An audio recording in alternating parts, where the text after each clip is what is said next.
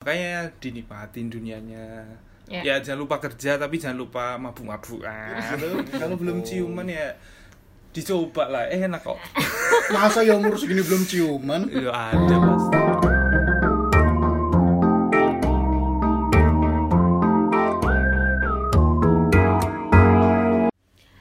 Hai, selamat datang di podcast Sumber Bahagia. Such a long day tidak bertemu. Bagaimana kabarnya teman-teman semua? Setelah sekian lama ya ada banyak pelajaran yang mungkin terlewatkan. Waduh, terlewatkan. kita ngapain sih Kita ngapain? Sok sibuk tuh loh. Tahu.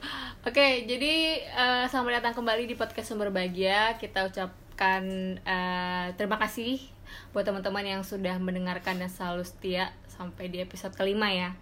Ya kemarin lima. Iya, Sekarang enam kelima. loh. Sekarang kita menuju ke episode ke-6 dan juga mau ngucapin selamat datang buat para pendengar baru. Semoga bisa menikmati apa yang podcast sumber bahagia suguhkan.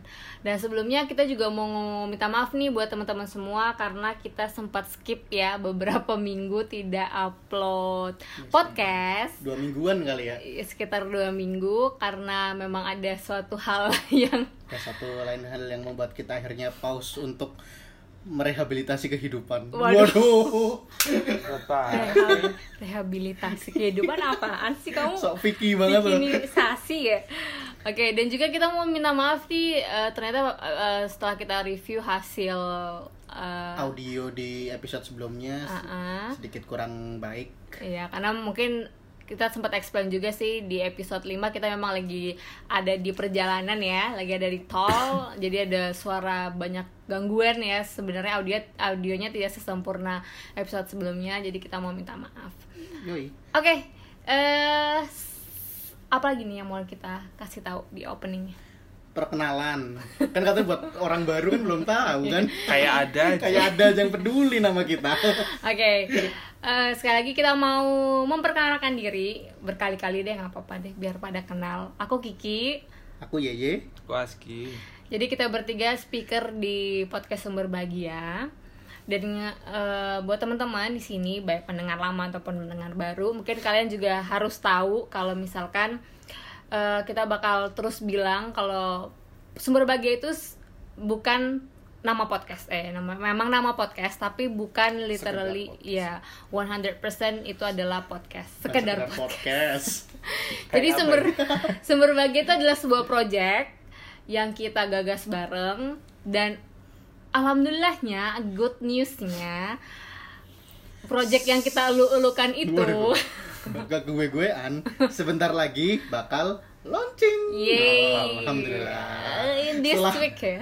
Pause agak lama ya sebenarnya. nah itu sebenarnya kita uh, working on Yes, mempersiapkan untuk kalian untuk project yang kita garap ini. Yap. Jadi sebenarnya project inilah yang menjadi core eh, bisnisnya ya. Untuk sementara ini core utama kita sebenarnya sumber bahagia adalah project yang akan launching ini, tapi nggak menutup kemungkinan karena memang core dari sumber bahagia itu luas. Nah, salah satunya yang utama yang ini. akan launching yang akan launching di ini. minggu ini gitu ya. Ya di minggu ini Ya launching. kan? Bismillah. Ya karena under pressure langsung desainernya Jangan. langsung kejar deadline banyak banget. Ada gitu. bismillahnya gitu. Iya. Dan eh, nggak berhenti sampai di situ aja ya karena next project kita juga bakal collab. Jadi kita kasih bocoran dikit kita kita bakal collab juga sama lokal brand baru. Jadi pokoknya stay tune aja deh sama project-projectnya dari Sumber Bahagia ya. Bisa Yep.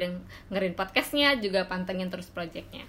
Yoi dan ini bukan merchandise loh. Yes, right.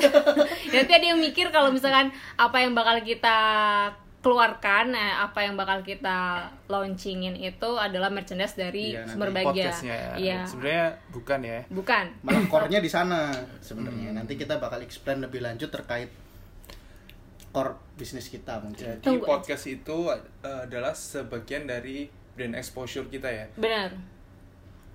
Sebagai media brand awareness juga. Media brand Pokoknya awareness.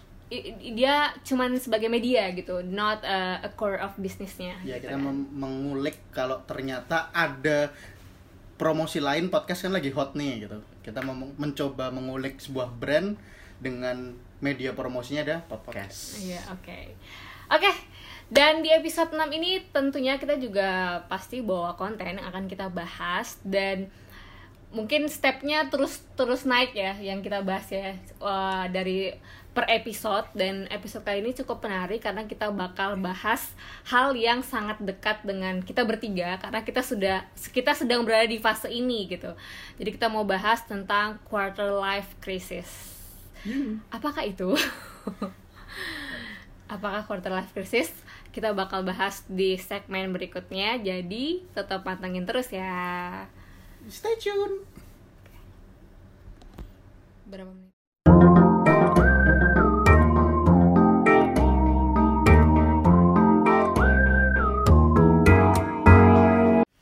Yes, welcome back to podcast Sumber Bahagia. Oke, tadi di opening kita udah explain sedikit ya tentang konten yang mau kita bahas di episode 6 kali ini. Kenapa kita bilang cukup menarik? Karena ya emang kita usianya lagi di jadi gini, quarter life crisis itu tuh memang adalah momen yang terjadi di saat orang itu di usia sekitar 25-an lah ya. Until 30 lah ya mungkin. Jadi itu kayak mungkin kasih definisi langsung kali ya. Boleh. Jadi kayak momen di mana ki- kita tuh mulai mempertanyakan eh, hidup kita tuh mau dibawa ke mana sih gitu kayak masa depan kita tuh next di future kita tuh mau bakal kayak apa sih? Dan kita tuh kadang juga mulai mempertanyakan atau menyesali masa lalu yang udah kita lakuin. Kayak aduh kenapa sih dulu aku nggak kayak gini? Jadinya kan aku bisa kayak gini di masa depan kayak gitu. Jadi itu adalah momen-momen eh kegalauan orang-orang di usia 25-an gitu. Jadi kayak kata orang juga itu adalah titik puncak kedewasaan seseorang gitu. Peralihan ya, berevolusi. Iya, kayak orang tuh mulai mempertanyakan banyak hal di usia 25 sampai 30-an itu. Nah, karena berhubung kita bertiga ini sedang berada di usia itu, mungkin pas ya kita lagi share. semua loh sekarang. Oh iya. Sekarang. Aku tuh paling masih muda. Muda kan secara angka masih Oh, sama. iya, oke. Oke, Tapi kita ada yang nggak ya orang yang nggak ngalamin quarter life crisis? Eh, mungkin Mungkin ada, Ada. ketika memang pijakannya dia udah mantep di awal. Iya, Modalnya udah bagus atau mungkin gambaran hidupnya dia jelas secara entah antara pribadi atau didikan orang tuanya pasti bagus. dulu. Mm-mm. Kayak sudah dia dari dini sudah mempersiapkan diri Ya, gitu ya. Jadi kedewasaannya lebih awal atau mungkin orang tuanya sudah mempersiapkan anaknya lebih dini. Mungkin. Maybe. Tapi kalau nggak secara mikir gitu jadi apa gitu. Ya mungkin kalau misalnya or- udah punya dinasti perusahaan gitu kan Oh iya, Ya jadi kan? yang mapan-map.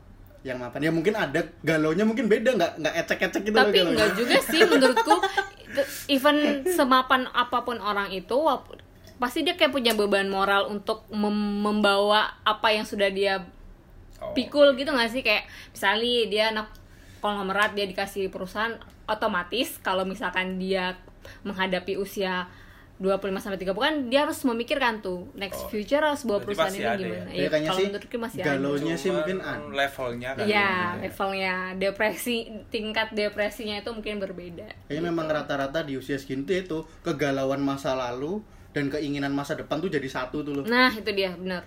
di usia yang sama wadaw Oke, mungkin ini pertanyaannya apa gimana? Kita mungkin apa aja sih quarter life crisis yang biasanya momen-momen yang dibikin galau rata-rata? Dari kita? kalau menurutku sih itu eh, penyesalan masa lalu nih. Masa lalu ngapain aja? Terus harus tahu pasti ke depannya ngapain aja karena udah 25 tahun kan udah quarter life Mm-mm. menjalani hidup. Terus misalnya rata-rata ini tuh baru lulus kuliah harus cari tahu kerjanya apa bahkan mungkin ya itu menyesal jurusan tapi harus mau nggak mau harus melanjutkan pekerjaan gitu kan misalnya menikah Nah, ini terjadi di semua aspek ya kayak karir, terus relationship ya, love gitu. story Eh, nyesel mungkin nyesel karena pernah eh, berhubungan sama siapa Ya. gitu kan sama kalau buat masa depan itu mau nikah atau enggak Ya. ini pacar mau dinikahin atau enggak cewek apa pacarnya udah nuntut nikah tapi belum pengen nikah iya tapi mau diputusin tapi Kok saya kayak Ya. gitu sih? mau diputusin ciumannya masih enak Aduh. gimana nih Gimana tuh ya? Bingung ya. biasanya kan wanita yang mengajak menikah gitu kan itu quarter life banget tuh masa-masa apalagi wanita usia segitu kan biasanya dah tuntutan Ya, menikah. di- tapi secara laki-laki biasanya di usia segini tuh secara pekerjaan tuh belum mapan. Mungkin udah ada yang secara pijakan first jobnya mereka udah yakin. Tapi mungkin banyak yang nggak yakin dengan pekerjaan pertama mereka. Ini juga di sini di quarter life ini nih. Mm-mm. antara mungkin ada yang memilih bekerja atau berwira swasta nah itu banyak ya, itu juga bikin, kegalauan. bikin bingung juga tuh buat sebagian besar orang aku yakin Bahkan ada beberapa orang yang misalnya kayak emang jiwanya freedom gitu. eh bahkan mikirnya aduh di usia 25 ini aku harus fokus karir atau nikmatin dunia dulu selagi bisa kan ada kan orang-orang yang berpikiran kayak gitu kan jadi bahkan eh, mereka yaitu berani take a risk demi apa yang mereka inginkan. Jadi kayak ada yang kalau memang ya udahlah kalau kalau memang aku harus ngejar karir aku dulu ya udah jadi fokusnya ke karir. Tapi kalau untuk beberapa orang yang memang freedom ya mereka berani ambil resiko untuk selagi aku masih muda aku bi- bisa nih nikmatin dunia. Nah tapi akan berada di dilemanya nanti ketika mulai banyak persoalan di saat dia akan menyesali hal itu. Mungkin di usia sudah lewat 25 di usia 30-an karena yang aku sempat baca quarter life crisis ini bisa terjadi di usia 25 sampai 30 tahunan. Nah, yang mungkin yang agak too late-nya kalau itu terjadi di usia 30 kali ya. Jadi Ya. itu sudah penyesalannya sudah menumpuk ibaratnya itu kayak gitu. Jadi kayak ya harusnya di usia 25 gue udah bisa gini gini Ya, gini ya, tapi penyesalan. ya, Jadi saya itu. mungkin dari masa SMA atau kuliah harusnya aku belajar lebih banyak skill, aku lebih banyak belajar hal terkait ini itu, tapi waduh aku tidak mendapatkan apa-apa gitu kan. Padahal aku harus melakukan sesuatu nih.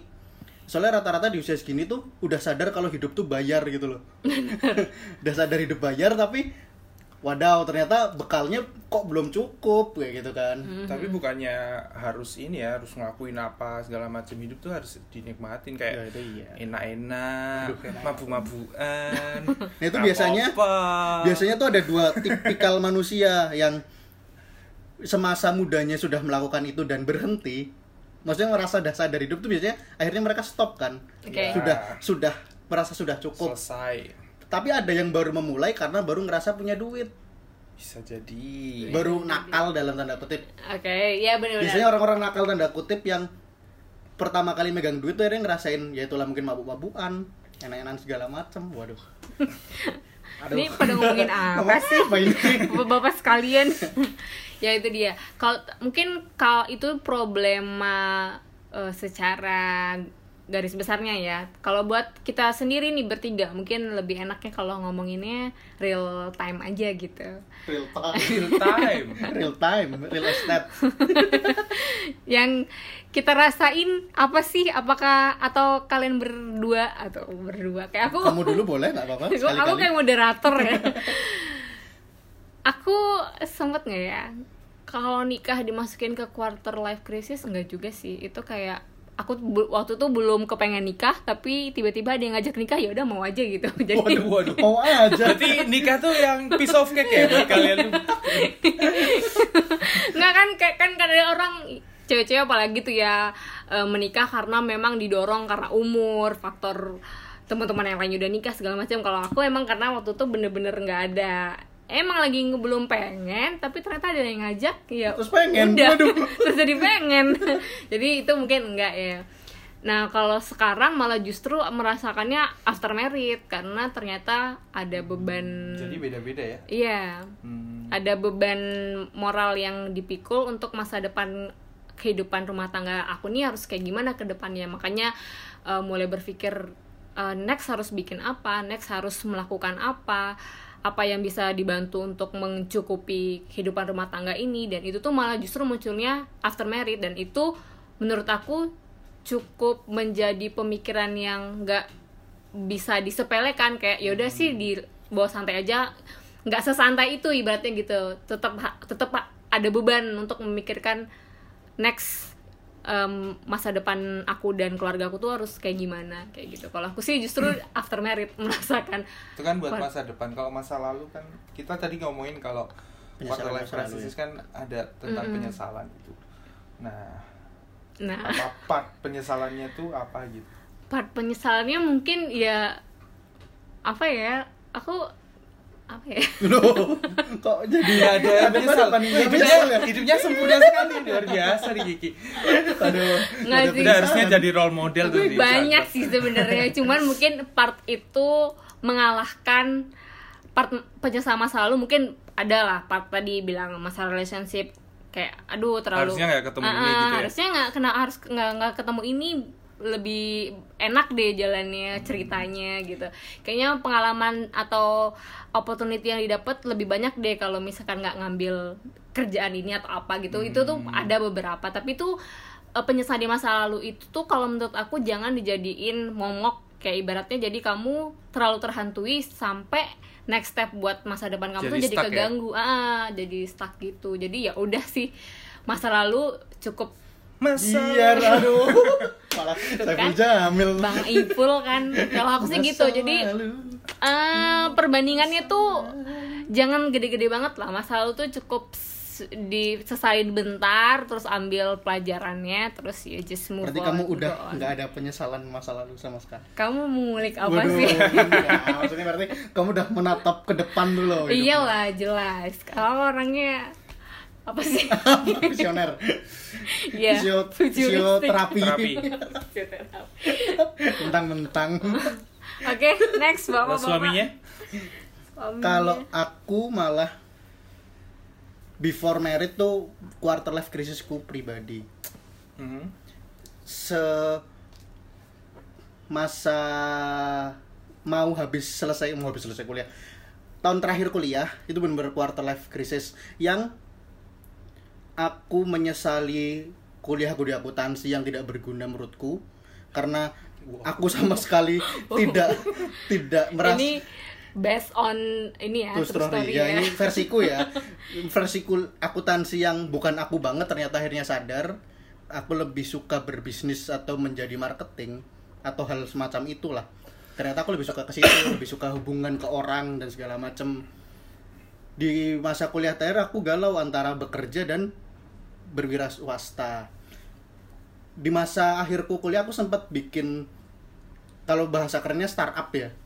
Sekarang. Ah. ya kan bahasa kerennya startup kan? Startup dulu oh, belum ada bahasanya ya? dulu belum ada dulu Belum cuma ada, usaha ah, usaha. aku sempat bikin startup kecil-kecilan sama temenku itu sambil kuliah nyelesain skripsi dan dituntut orang tua aku cepat selesai kuliah dan untuk bekerja. Dan akhirnya aku selesai kuliah aku jalanin startup itu nah itu ada tuntutan dari orang tua dia buat bekerja. Nah itu tuh quarter life crisisku. Aku bekerja secara mapan mungkin udah disebutkan di episode sebelumnya pekerjaan mapan versi gimana sih? Pekerjaan mapan versi orang tua. Dan eh, meyakinkan kalau dari berwira swasta tuh juga bisa menghasilkan loh gitu. Dan akhirnya aku kalah waktu itu. Akhirnya aku kerja akhirnya aku kerja dan dah kerja yang menurut orang mungkin mapan ya. Aku kerja di salah satu BUMN yang secara branding mungkin orang ya itulah bulanan ada asuransi wah kemarin sangat merasakannya. Terus habis itu eh, jenjang karir pensiun dan segala macam lah. Udah when package tuh sangat aman dan All nyaman. in. all in. But aku waktu men decision untuk nikah tuh nggak galau karena mungkin life storyku aku memang udah yakin untuk nikah. Tapi aku sampai sekarang pun masih quarter life crisis about karir sih. Sampai sekarang masih agak belum kelar dengan itu karena aku masih bekerja dan di dalam hatiku aku ingin membuat sesuatu eh, apa ya suatu konten suatu karya yang akhirnya ingin aku buktikan kalau aku sebenarnya tuh lebih suka berwirausaha dan salah satunya ya dengan sumber bahagia ini Bismillah. Semoga Bismillahirrahmanirrahim. Kalau aku gitu quarter life crisisku lebih ke karir sih. Makanya akhirnya sekarang aku seperti berselingkuh kan. Dari kemarin aku berselingkuh terus kerja dan setengah hidupku bekerja dan berwirausaha. Gitu. Sampai sekarang Bismillah semoga setelah Kelar ini ya? tidak tidak berselingkuh gitu kan. Kalau di sini kelihatan prospeknya wah kalau dari Mas desain grafis Waduh. itu apa ya banyak kali Banyak ya? Waduh, nih. Ding. Silakan silakan tumpahkan tumpahkan. kalau karir ya sebenarnya aku nggak nggak ada penyesalan yang kayak eh, salah jurusan eh, sampai akhirnya aku sekarang ambil karir sebagai desain grafis gitu Eh, dulu eh, aku sempat jadi nge eh, jadi kerja di satu coffee shop kan ya Eh, maksudnya aku tuh pengen sebenarnya pengen explore dunia ini lebih banyak lagi gitu. Nah, yang aku sesali adalah kenapa aku nggak mulai itu dari lebih awal lagi gitu. Dari usia 20 mungkin. kan aku pemalu dulu ki Nah, itu itu salah satu bangsa tuh. eh. Kalau aku bisa ngomong sama diriku yang itu tuh yang dulu ya tampar terus sadar boy gitu Iya, maksudnya eh aku nyesel karena aku se- seharusnya bi- masih bisa belajar yang lain gitu kayak misalnya apa kuliner terus Musik. otomotif musik mungkin segala macam nah Mhm. buat biar apa ya biar karirnya banyak kebuka gitu Mhm. sampai akhirnya ya aku bersyukur hari ini aku bisa eh, masih bisa di bidang kopi masih bisa eh desain grafis apalagi apalagi sekarang jadi karirku satu-satunya gitu setelah aku Penghasilannya. membuang akuntansi ya mungkin kalau membuang enggak sih kalau asal ijazahnya akuntansi mungkin aku masih bisa ke jalur karir itu tapi aku nggak pengen gitu Iya. Oke. dan kita nggak ada yang pengen ya pakai ijazah ya oh iya. udah nggak kepake lu ijazah kita tuh Kamu masih ya? kan nggak ditahan masih Oh, iya, oke. oh ya sementara masih ding aku bener Sementara masih. aku masuk pakai ijazah itu Oh, bener Iya. tahanan. ya, itu sih yang aku sesalin terus relationship eh ya itu ah, kalau personalnya aku nggak menyesal ya aku pernah pacaran sama si Anu Si Anu. tapi Anu.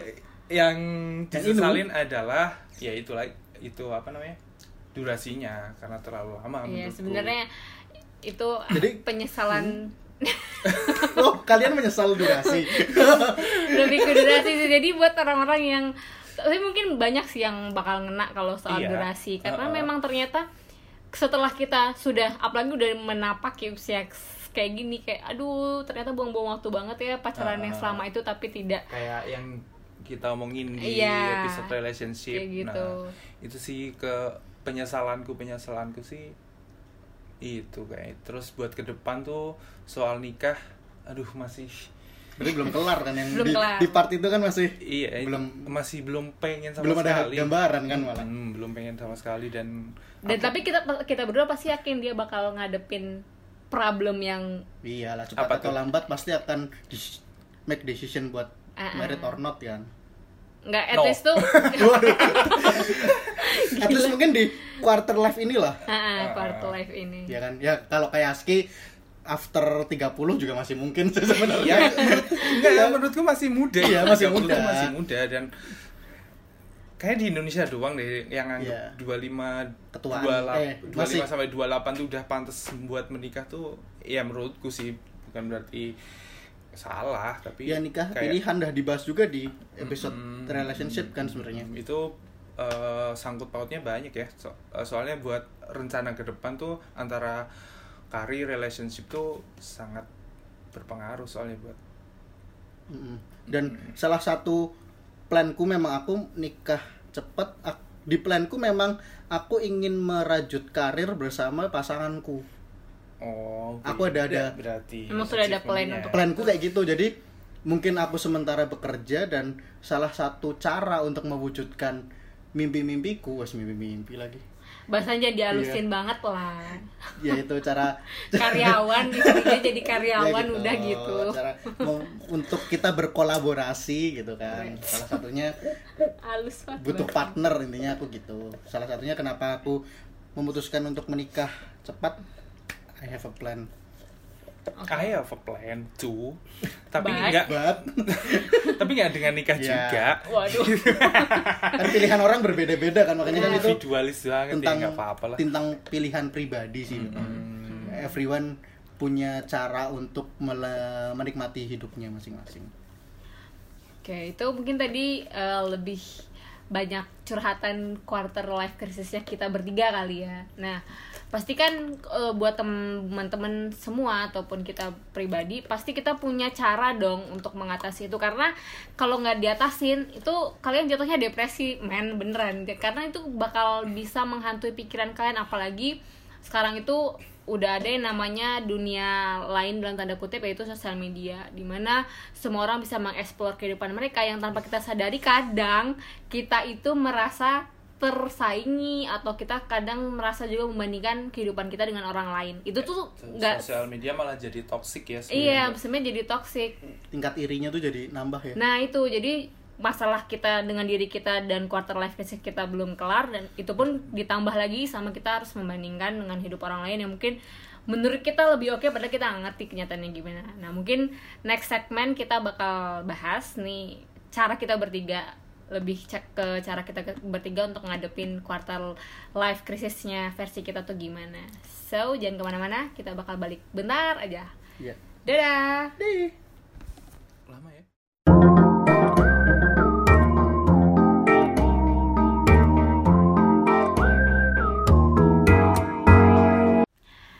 Ya, kembali lagi bersama kami. Tadi sempat mampir dulu Hampir ngapain ngopi. beli sabun cuci muka habis. Wow. Eh, tapi beneran. Sabun cuci muka. Tapi beneran habis loh. Kita belum ke curhat rumah tangga kita belum ke mall itu Iya, buat belum beli bisa jalan. sabun cuci muka kita yang habis gitu. Aduh, oke. Tadi kita di segmen eh, sebelumnya kita sudah membahas apa itu quarter life crisis dan uh, momen quarter life crisis apa sih yang kita bertiga alami di fase sekarang. Dan jelas itu beda-beda ya. Aku merasakan itu after married ngerasain itu justru sebelum married uh, Mas Aski pun seperti itu. Bahkan Kan dia sampai sekarang belum merit. sampai sekarang dia juga masih harus mengerjakan banyak PR gitu ya fuck magic enggak di Aduh. Waduh. Oke. Nah, eh, kan tadi kita juga sempat bilang nih, pasti kalau kita menghadapi ya quarter life crisis itu kita bilang itu adalah problems ya. eh, uh, our self problem yang harus kita selesaiin sendiri karena ya itu memang datangnya dari diri kita sendiri gitu. Nah, pasti harus ada solusi nih buat ngadepin momen itu karena mau nggak mau momen itu bakal datang dan mau nggak mau juga momen itu harus kita lewatin gitu. Nah, mungkin solusinya nih lebih ke gimana sih ngadepin itu? Kalau dari bapak bapak sekalian aku mau yang terakhir aja deh. Capek. Gimana? Quarter life crisis kan sebenarnya fase. Mungkin kalau kayak versi Radit tuh fase ini adalah Radit fase siapa? Raditya Dika. Sorry. Versi Radit. Raditya Dika ini adalah fase setelah alay mungkin ya. Ya, fase ya. setelah alay terus quarter life crisis nih. mulai mikir dikit ya ya mulai mikir dikit mulai mikirnya itu mikir ternyata hidup tuh butuh uang enggak ding hidup tuh butuh eh hidup tuh nggak gratis buat apalagi buat merajut mimpi-mimpi yang harus dipenuhi untuk diri sendiri atau buat keluarga atau buat orang lain yang jelas sih untuk quarter life crisis ini karena ada se- sebuah fase. Semua orang mungkin bakal menghadapi ini. At least seperti dibahas di episode sebelumnya at least ketika kamu mungkin menyesal dengan hal-hal yang sudah kamu lewati paling nggak kamu punya gambaran di usiamu 25 ini pondasi mana sih yang bakal kamu eh, pupuk dengan baik untuk kehidupanmu ke depan. At least kamu udah ada gambaran nih, walaupun mungkin sekarang belum. Misalnya katakanlah kamu masih first job nih, kamu belum yakin dengan pekerjaanmu sekarang, tapi kamu udah ada gambaran, oh aku mau usaha misalnya. Caranya apa sih? Oh, aku harus ngumpulin modal dulu. Misalnya gajiku tiga bulan, aku tabung, aku buat bikin usaha. Usaha apa? Ngulik dulu tiga bulan, cari tahu. Mungkin kalau orang-orang nyebut passionmu apa gitulah, kan misalnya kamu suka jualan jam tangan eh kamu suka ngulik jam tangan ya kamu cari tahu lah tentang jam tangan kamu explore jam tangan tuh gimana segala macem nah pondasimu tuh di situ tuh kalau kata orang seminar-seminar sih sebenarnya habiskan masa gagalmu ya Yep. tapi sebenarnya itu mungkin udah dilakukan eh, early 20 sih umur Iya, 20-an harusnya. awal tuh kamu udah mulai mencoba kalau memang kamu tahu passionmu sebutkan passion biasa orang-orang gitu kan kata-kata umum yang digunakan orang gitu kan. Aku cuma menyadur itu passion habiskan masa gagalmu dulu dan usia ini harusnya kamu sudah melalui fase gagal beberapa kali. Kayak aku udah beberapa kali membuat usaha yang terakhir aku startup itu kemarin. Dibilang gagal sih enggak sebenarnya tapi aku belajar banyak dari sana dan ya itu aku bakal aku yang hari ini aku jadi akumulasi atas kegagalanku kemarin. Aku coba untuk usaha baruku ini gimana caranya? Aku harus evaluasi nih kegagalanku kemarin apa dan aku bisa nge-explore biar aku bisa lebih baik di usaha yang sekarang. Jadi di usia gini harusnya minimal tau pondasi nih untuk kehidupanmu. Ya minimal lima tahun ke depan lah di umur 30 kamu harus Udah plan harus ya 30 jadi usia lima tahun ini untuk membangun mungkin masih prihatin dulu segala macem. Nah Itu wajar ya? wajar aku sampai sekarang juga masih prihatin karena rata-rata first job dan usia gini kan ya memang masih mikir pengen punya mobil Hmm. punya rumah Nah, punya itu keluarga tuh. mungkin termasuk tuh itu Ya kan? termasuk life, quarter life crisis. quarter life crisis kan rata-rata memang jadi satu mungkin yang belum menikah nabung buat nikah Hmm. ya kan terus atau pilihannya beli mobil baru dulu buat akomodasi atau rumah. Atau rumah itu Nah, pilihan mau itu jadi nikah. satu tuh tapi pikirannya Tapi biasanya makanya orang- itu yang bikin pusing ya sebenarnya Yang bikin quarter pusing- life crisis tuh. you have a plan boy. Man boy lagi guys gitu. You have a plan. Kamu harus milih nikah eh nikah dulu nabung buat mobil dulu buat bikin rumah dulu atau ya Barengan. atau barengan. Rata-rata tuh karena yang bikin meledak adalah semua dibikin dijadi satu ya Padahal kan bisa lah kamu ngeplan usia 25 nikah, usia 26 beli mobil, usia 27 beli rumah, ngontrak dulu nggak apa-apa, naik motor dulu juga it's okay. Hmm. Gitu loh. Oke. Kalau Mas Aski gimana? teknikal banget ya kalau ya. Iya, secara- nabung segala macam Iya. gitu ya Secara tekniknya kan gitu kan pada Iya, iya. akhirnya kalau orang milenial biasanya itu ya yang ditakutkan kan yang eh, banyak berita yang orang milenial nggak bisa mencukupi kehidupan sandang eh sandang aja papan papan dan karena terlalu hedon. Kalau aku mungkin ini ya semakin bersenjata eh, semakin gede penyesalanmu semakin gede pula usahamu buat ke depannya oh iya gitu. iya nggak sih? Hmm. Eh, itu makanya eh, tapi sebenarnya tuh nggak apa-apa min. Itu normal eh, sebesar apa pun eh, penyesalanmu di masa lalu eh, tetap eh, usaha jangan diem jangan pernah diem jangan pernah nganggur.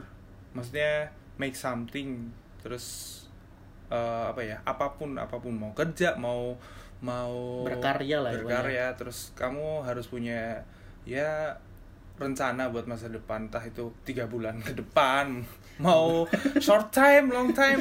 Eh, iya sih kayak itu. Terus ya mau sebesar apa pun usahamu tuh jangan lupa ini sih apresiasi kamu sendiri gitu. Eh, maksudnya ya itu tadi yang dijelasin ya itu kayaknya terlalu ini apa serius ya nggak Iya. apa-apa Iya. bener. Tapi inget men usia 25 sampai 20 tuh pride pride-nya Main cuy. kamu gitu iya. Makanya dinikmatin dunianya Ya. ya jangan lupa kerja tapi jangan lupa mabuk-mabukan enak-enak Ya yang belum gitu. kelar dengan mabuk-mabuannya. ya kelari Dikelarin sekarang. enggak sih mas kan ada yang belum selesai kan biasanya. Ya. Lagi punya duit gitu. Hmm, kalau belum ciuman ya dicoba lah eh, enak kok Masa ya umur segini belum ciuman? ya ada pasti Oh iya, ding. ada Oh iya ding lagi. ya itu maksudnya men itu 25 tuh ya keburu nanti Terlalu tua untuk nakal. ya aneh nggak sih? Ya, kamu umur itulah. 30 baru mabuk-mabuan temen muda selesai, Ya, kamu baru mulai. at least gitu. tuh mabuk pas botolnya mabuk sebotol sih? harganya jutaan gitu. Mabuk sih pilihannya? Jadi podcast mabuk nih. Kayak pengajaran. Haram ya guys. Haram ya, Haram ya. Nanti aku bikin podcast yang haram-haram deh. nggak maksudnya kayak nikmatin hidupnya mabuk ya tuh kiasan loh ya maksudnya. caranya tuh ya terserah gitu Eh, itu sih jangan lupa apresiasi diri karena ya itu usia 20 sampai 30 tuh pride pride-nya tapi jangan lupa buat bangun fondasi buat ke depan tuh ya penting banget Yes. karena 20 30 tuh nentuin next step kamu di usia selanjutnya gitu ya usaha sekeras-kerasnya oke Yoi. work hard play hard karena energinya lagi seharusnya sebanyak banyak lagi banyak Iya, banget makanya isinya. jangan lupa juga energinya buat main Wah, siap iya itu gimana mbak mbak Oke, panggilnya oke kalau aku sih gini ya, kalau aku nanggepin aja gini. Jadi kalau aku pribadi untuk menghadapi quarter life crisis apalagi di saat rumah tangga gini, kayak I'm not the religious person but I do believe sama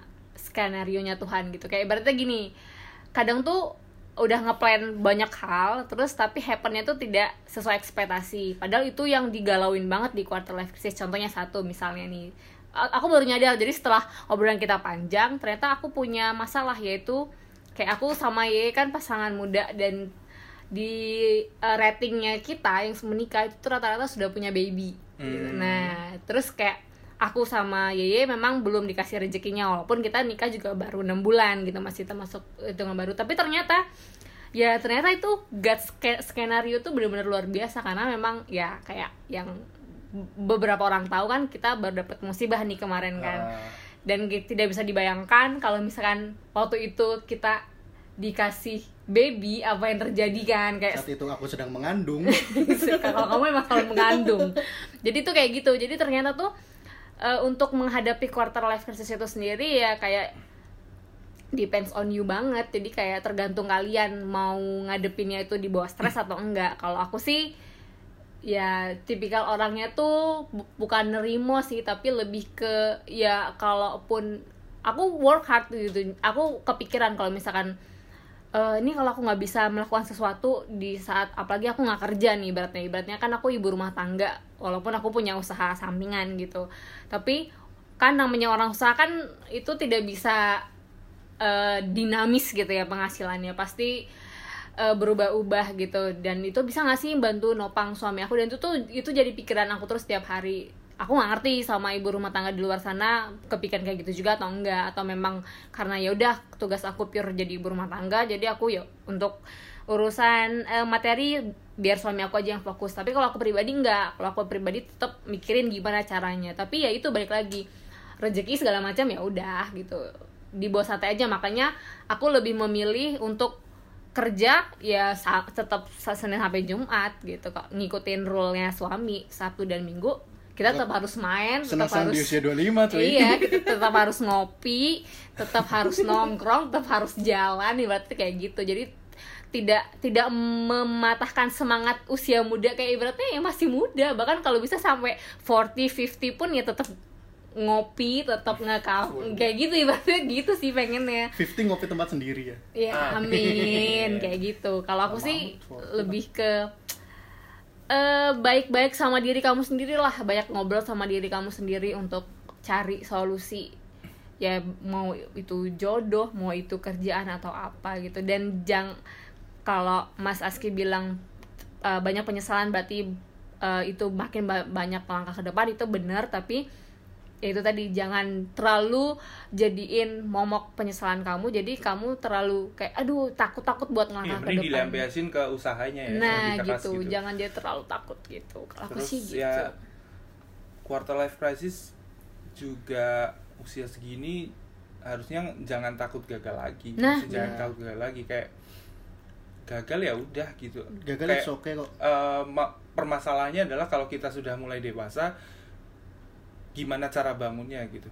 ya jadi bukan bagaimana kamu gagal tapi bagaimana secepat apa kamu bisa bangun lagi Mm-mm. Karena kalau semua harapanmu tercapai itu aneh gak sih dunia? iya malah Iya kan?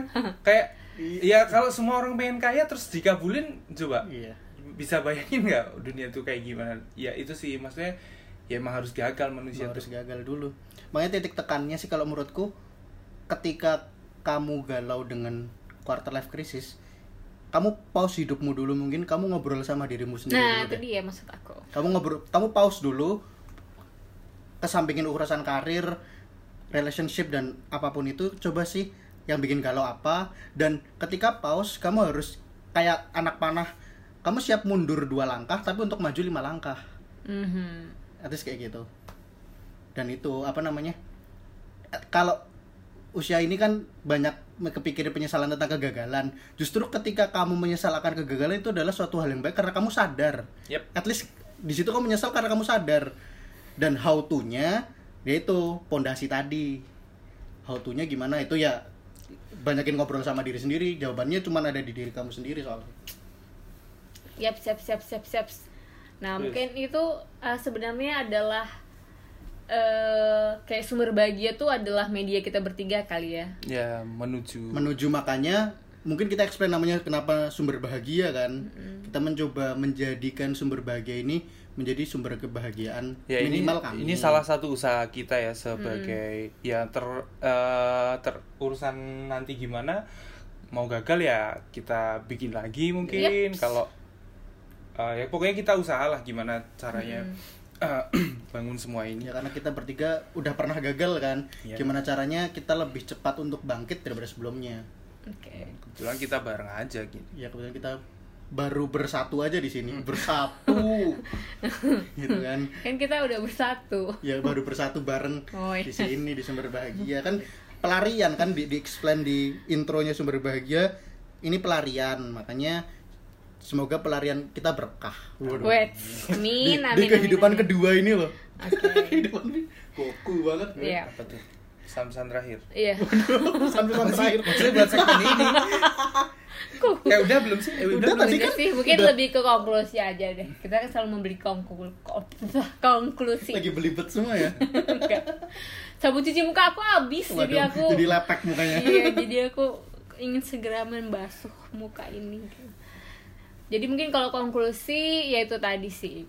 Sekali lagi kita tidak pernah berniat untuk menggurui siapa pun. Eh, kita benar-benar pengen cuma sharing apa yang kita rasakan karena memang benar-benar kita sedang mungkin berada di quarter life crisis ini dan harapannya teman-teman mungkin yang mendengarkan ini juga oh oh iya ternyata mungkin ada yang itu tadi nggak belum sadar akhirnya tersadarkan kalau uh, diri kita ini masih punya problem ternyata yang harus kita selesaikan gitu jadi apa pun itu yang kalian rasakan di quarter life crisis yakin deh pasti itu ketemu solusinya asalkan kalian baik-baik sama diri kalian dan kalian juga tidak terlalu apa ya terhantui sama masa lalu yang membuat stuck masa depan kalian sih. Ya. kalau aku sih gitu. Ya banyakin ngobrol dulu sama diri sendiri sama siapin pondasi. Dan gagal tuh nggak masalah karena coba lihat kolonel kolonel Sanders. Dia baru berhasil di usia berapa sih? 60 70 yang punya KFC kalau ini yang punya KFC itu mereka dia baru berhasil di usia 60 70 banyak lah ya jadi kalau maksudnya mau cari. dan jangan pernah membandingkan dirimu dengan orang lain. Nah itu dia itu berat. Itu yang paling bikin Capek. kamu galau luar biasa tuh biasanya membandingkan. Biasanya kalau usia dewasanya dah masuk quarter life crisisnya tuh udah hilang dari identitasnya kamu tidak membandingkan dirimu dengan orang lain. Karena memang setiap orang tuh punya zona waktunya masing-masing menikah it- bukan balapan karir itu juga bukan tentang balapan dan kesuksesan tuh bukan balapannya bukan di usia sebenarnya. Ketika kamu membandingkannya dengan usia dengan orang sepantaranmu ya itu Tapi tambah galau. di rekening ya? Direkam bener. Di buku Balapannya tabungan dan rekening koran. Biasanya galau kan kalau waduh teman gue udah beli mobil udah bisa punya rumah gitu Jadi nggak apa-apa. pencapaiannya kan biasanya dengan materi kan padahal kan nggak tahu ter- orang yang mungkin belum punya mobil tapi ilmunya bisa lebih banyak larinya mungkin sekarang lambat tapi dia maraton bukan sprint sprint kan cepet capek oke Wadaw. kok bapak jadi atlet ya belum bisa jalan konklusi terakhir Konstitusi guys. Iya, Kenapa ya? ribet lagi Hmm, kurang Konklusi kopi. terakhir kurang kopi ya ini Iya. Konklusinya adalah eh, gini sih, aku lebih ke kalau kamu lahir di keluarga atau lingkungan yang yang kurang beruntung itu bukan salahmu 100% bukan salahmu. Tapi kalau kamu meninggal dalam keadaan yang kurang beruntung atau nggak enak, itu salahmu 100%. Iya. ya kan? Iya iya. Makanya waktu waktu kamu hidup waktu masih bisa berusaha, berusahalah sekuat-kuatnya ya termasuk ya ini quarter life crisis ini yang lagi kita omongin ya tonggaknya menurutku di usia 25 20-an ini. Ya, udah. Ya karena tongkat estafet pertama kali ya Iya. untuk melanjutkan hidup yang biasanya lebih panjang. Oke. Sebegitu saja, sebegitu. Sebegitu saja. Ya mungkin itu sih yang bisa kita sampaikan di episode ke-6 ini Semoga bisa bermanfaat ya buat teman-teman semuanya Eh, Dan eh, balik lagi ke awal tadi di opening kita sudah memberikan sedikit info Kalau di minggu ini kita bakal launching produk. Jadi Stay tune Instagram kita ya di @sumber underscore bahagia. dan nyebelin. Nyebelin banget sumpah. Maafin ya suami saya teman-teman dan kalau mungkin teman-teman yang punya kritik saran ataupun mau share tentang apa pun itu yang mau kita bahas bisa eh, email kita ya Ya di, di podcast.sumberbahagia@gmail.com. ya kita menerima dan menampung kritik, Kritik, saran, saran. Atau mungkin ada yang mau apa Atau mau gitu ya. tanya ke kita boleh, tanya apa pun nanti kita bisa jawab versi kita. Mungkin ada yang galau. Ini di quarter life crisis mungkin galau kita bukan menggurui tapi kita mencoba Bisa sharing ya. sharing versi kita. Ya, oke dan itu tadi ya, bukannya stay tune terus di Instagram kita karena di minggu ini kita akan segera launching anak pertama kita, Waduh, anak pertama tak ya. anak pertama yang sumber bahagia. Iya. Oke, mungkin segitu aja ya. Ya. Ya, oke sampai jumpa di episode selanjutnya. Wadidaw. Dadah.